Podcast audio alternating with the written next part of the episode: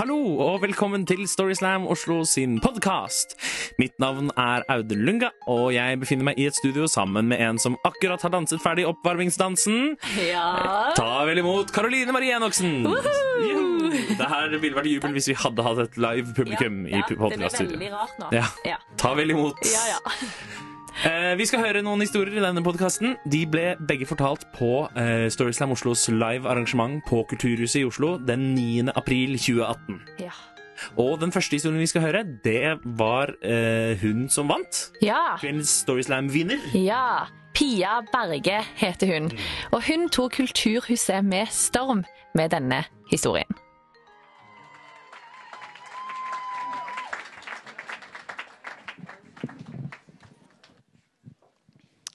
Ok, så jeg er 18 år, og livet, det skal starte nå. Jeg har flytta fra lille Askim til den pulserende storbyen Halden. Og jeg er så spent! Jeg er så spent at jeg har avskrevet de her smertene jeg har kjent i magen de siste dagene som nettopp det, at jeg er veldig spent. Og dette er første kveld i nytt kollektiv, og jeg sitter og prøver å gjøre et bra førsteinntrykk på alle. Men jeg merker at de her magesmertene de begynner å ta litt overhånd. Men jeg har ikke lyst til å si noe til noen, for jeg gidder ikke å bli hun Pia med magevondt. Så jeg bare trekker meg opp på rommet og prøver å slappe av litt. Tida går, og det blir verre og verre. Og jeg har veldig lyst til å ringe mamma. Men det er også første kvelden jeg bor alene, så jeg skal ikke det. Så jeg strammer meg opp, selv om det på dette tidspunktet begynner å bli ganske vanskelig å stå rett. Og jeg tenker at det er, det er mensensmerter. Det er det der. Så jeg gjør alle de her tinga som jeg har fått høre at man skal gjøre når man har mensensmerter. Jeg begynner på en sånn rundgang av fikse varmeflaske, ligge i fosterstilling, ta en varm dusj. Ta en varmere dusj, fosterstilling, varmeflaske. Men det blir bare verre. Og jeg tenker at jeg har fått i meg et eller annet. Jeg er matforgifta. Det er det det er. Så jeg går og stikker fingeren i halsen. Og jeg stikker fingeren i halsen, dusjer, varmeflaske, fingeren i halsen, spyr, dusjer, varmeflaske. På et tidspunkt så spyr jeg galle. uh, og klokka fire så får jeg en sånn Å, selvfølgelig! Det er mensensmerter, men det er jo fysisk aktivitet man må gjøre når man har mensensmerter. Og nå begynner jeg å bli litt rar, for jeg har hatt så vondt lenge, så jeg kroker meg ut i gata, rett ut av dusjen, og går på joggetur i Halden. Det går bra, tenker jeg. Og da har jeg et sånn øyeblikk hvor jeg ser meg sjøl utenfra. Joggende i krok og soloppgangen med galle i munnvika. Jeg tenker at noe er gærent, ass. Noe er faktisk skikkelig gærent, og jeg blir redd. Og jeg tenker jeg må ringe sykehuset. Jeg ringer Halden sykehus og sier at jeg dør. Jeg får en drosje til Halden sykehus. Eh, De skjønner jo fort tegninga. Sjekker meg på alle smertefulle måter eh, man sjekker etter blindtarmbetennelse på. Spesielt vondt er det å få to fingre opp i rumpa hvis man har en betent blindtarm. Jeg fikk det. Det var spesielt vondt. Det var blindtarm. Å, så deilig! Mysteriet er løst. Fiks det, da. Eh, Men eh, her står det, Pia, at du eh, har jo fastlege i Askim. Du skal ikke Ja, men det er ikke sykehus i Askim. Nei, men du skal Jeg skulle nå til Fredrikstad. Lykke til, da! Ok, Greit, jeg blir sett i drosje til Fredrikstad. Vel framme i Fredrikstad så vil de gjerne sjekke hva som er galt, og jeg merker at det skal to fingre opp her òg. Jeg sier at det, det går bra, jeg fikk to fingre i rumpa i Halden, jeg. Um, det var blindtarm, så vi bør ikke det. Det er best at vi også sjekker, sier de. De sjekka, de.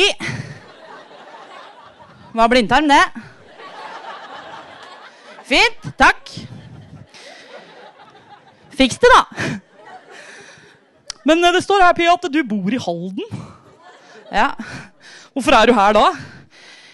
Jeg vet ikke. Jeg skulle tilbake til Halden. Så jeg får en ny drosje til Halden. Vel framme i Halden nå så får jeg nå gudskjelov en seng. Og jeg får smertestillende. Og jeg får to nye fingre oppi rumpa. Jeg skulle gjerne sagt ifra, men jeg tror at på det tidspunktet der med femte og sjette finger som penetrerte meg i løpet av ett døgn, så hadde noe inni meg dødd. Jeg sa ingenting. Gjør det du må. Fiks meg. Så jeg sovner, våkner et halvt døgn seinere at det står en gammel mann over meg og sier det at du, nå sprekker den av blindtarmen din snart, så den må vi se å få gjort noe med. Ja, takk, gjerne. Men, sier han, det har kommet inn en bilulykke. Alle de unge kirurgene er satt på den saken, så vi er nødt til å gjøre det på gamlemåten. Men det går bra. Ja. Gjør det du må. Jeg dør snart. Bare fiks noe. Eh, jeg våkner etter den operasjonen, og jeg rekker å tenke at å, halleluja, nå er den jævla tarmen ute, og det er ikke vondt lenger. Men jeg rekker å åpne et halvt øyelokk før jeg brekker meg av alle de medisinene jeg har fått. Og jeg kjenner at å, fuck, jeg revner! Hele magen min revner! Hjelp meg, for faen, jeg revner! Det kommer en eller annen nydelig sykepleier inn og sier at du revner ikke, vet du. Det kjennes bare sånn ut. Jeg vet det er vondt, men det er ikke farlig. Jeg spyr jeg spyr ned håret mitt, så jeg får sagt strikk. Så jeg, Vær så snill, skaff meg en strikk. Hun går for å finne en strikk, kommer tilbake, og jeg fant ikke noe strikk. Jeg, jeg beklager. Og da klikker det litt for meg. Jeg syns alt har vært urettferdig så lenge nå. Jeg tar tak i det her nydelige mennesket, drar henne til meg sånn, og sier at det kan da for faen ikke være så vanskelig å få oppdrevet en strikk. Hun, hun løper på kjøkkenet, kommer tilbake med sånn gummistrikk fra kjøkkenet, og da begynner jeg å grine. Unnskyld, og jeg er så lei for det, og jeg er ikke egentlig slem. Jeg er bare veldig, veldig lei meg og veldig, veldig sliten. Og hun er verdens nydeligste menneske og sier at jeg er sikker på at du er kjempesnill.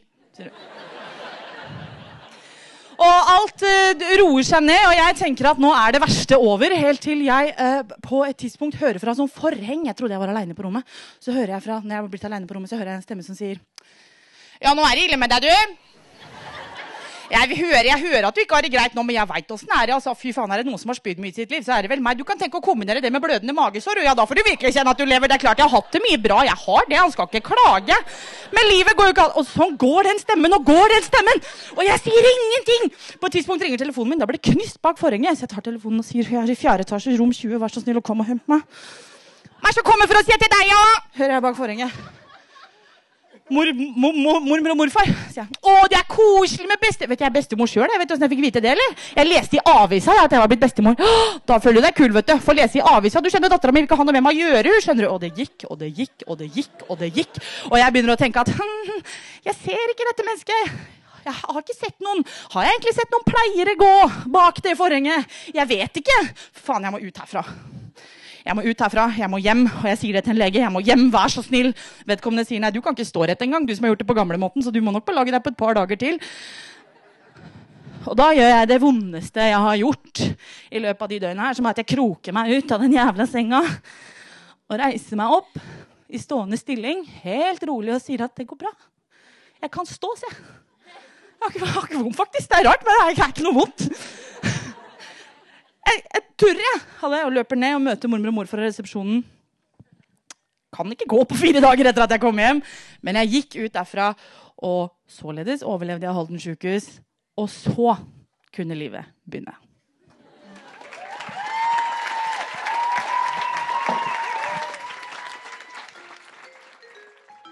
Tusen takk til Pia. Ja. Altså, på scenen på Storyslam så er det jo ganske mange som eh, bjuder ganske godt på Ja. med intime detaljer. Og det har vi jo nettopp hørt et veldig godt eksempel på. Ja, på veldig kroppslige detaljer, da. Eh, Men så er det noen som eh, deler intime detaljer på en litt annen måte. Og flere av fortellingene vi har på vår scene, de krever ofte ganske mye mot å fortelle. Neste forteller heter Einar Belk-Olsen.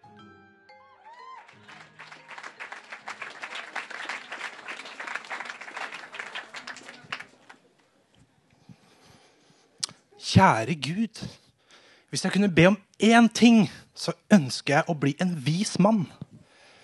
Det er søndag kveld, og jeg ligger i senga på gutterommet mitt og har lagt meg for å sove.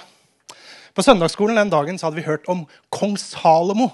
Denne oldtidskongen som var så vis og klok at til og med dronningen av Saba tok veien for å spørre han om råd. Og jeg tenkte det må være liksom det ultimate målet.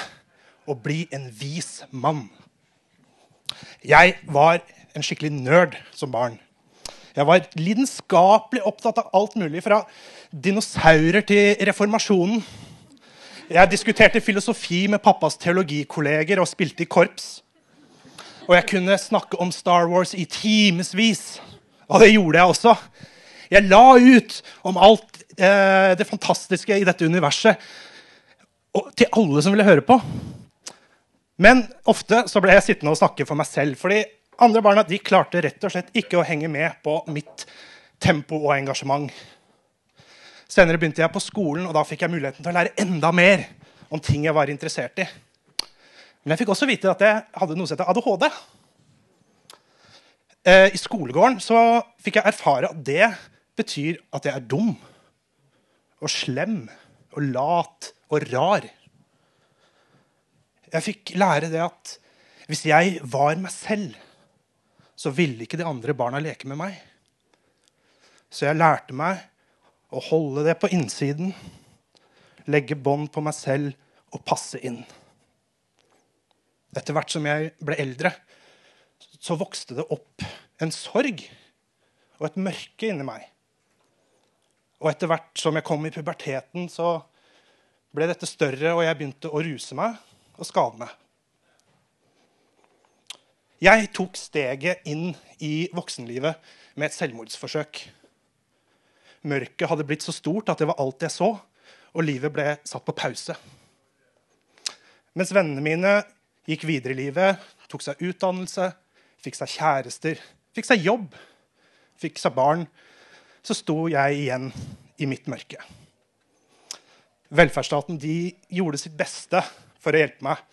Jeg fikk gå på kurs i å skrive CV og ble plassert ute i arbeidstrening.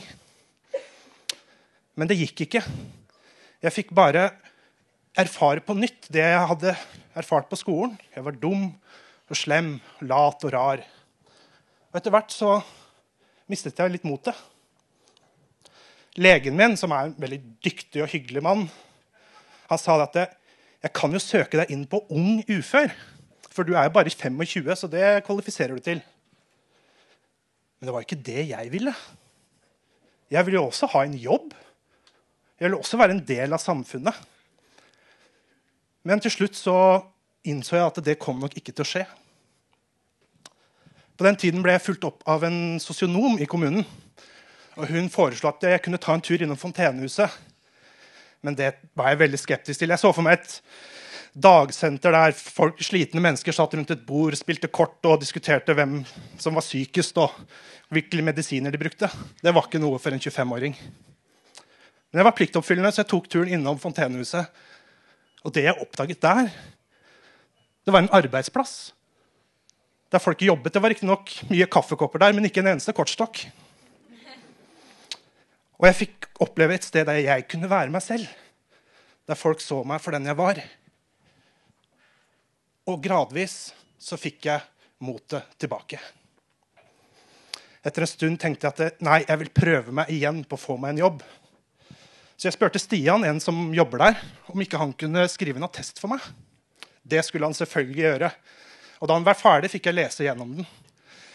Der sto det de, disse typiske tingene som står i CV-er, men jeg bet meg veldig merke i en setning, for Stian hadde sagt det at Einar er en meget systematisk og strukturert person.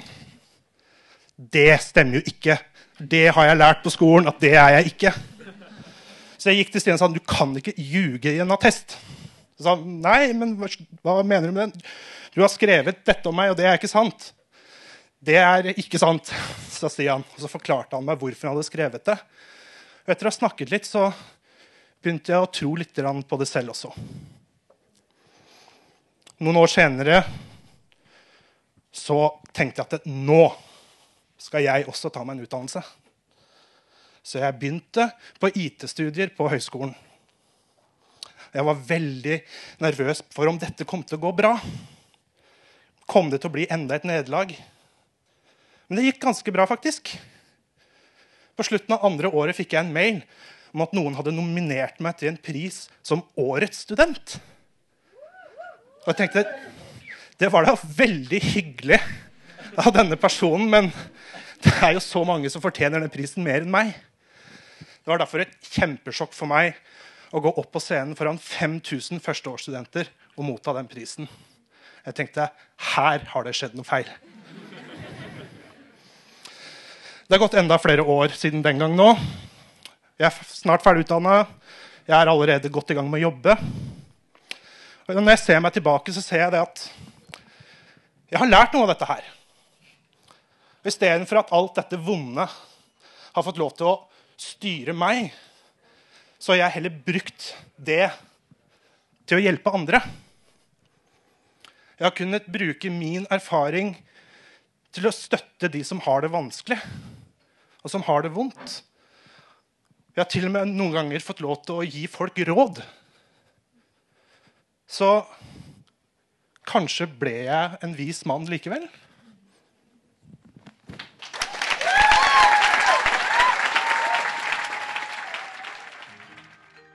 Tusen takk til Einar. Ja. Og det kommer selvfølgelig ut eh, eventer på Facebook med informasjon om disse arrangementene. Sånn at alle kan holde seg oppdatert og vite hva som skjer, og når det skjer. Ikke sant? Det er der vi Altså, informasjonsflyt. Jeg kjempet lenge mot sosiale medier, men jeg har gitt meg. Ja. Det er bare å. Gi seg hen. Yes. Ja. Følg oss på Facebook, følg oss på Instagram, følg denne podkasten som kommer ut med ujevne mellomrom. Eh, Og takk for nå. og takk for nå.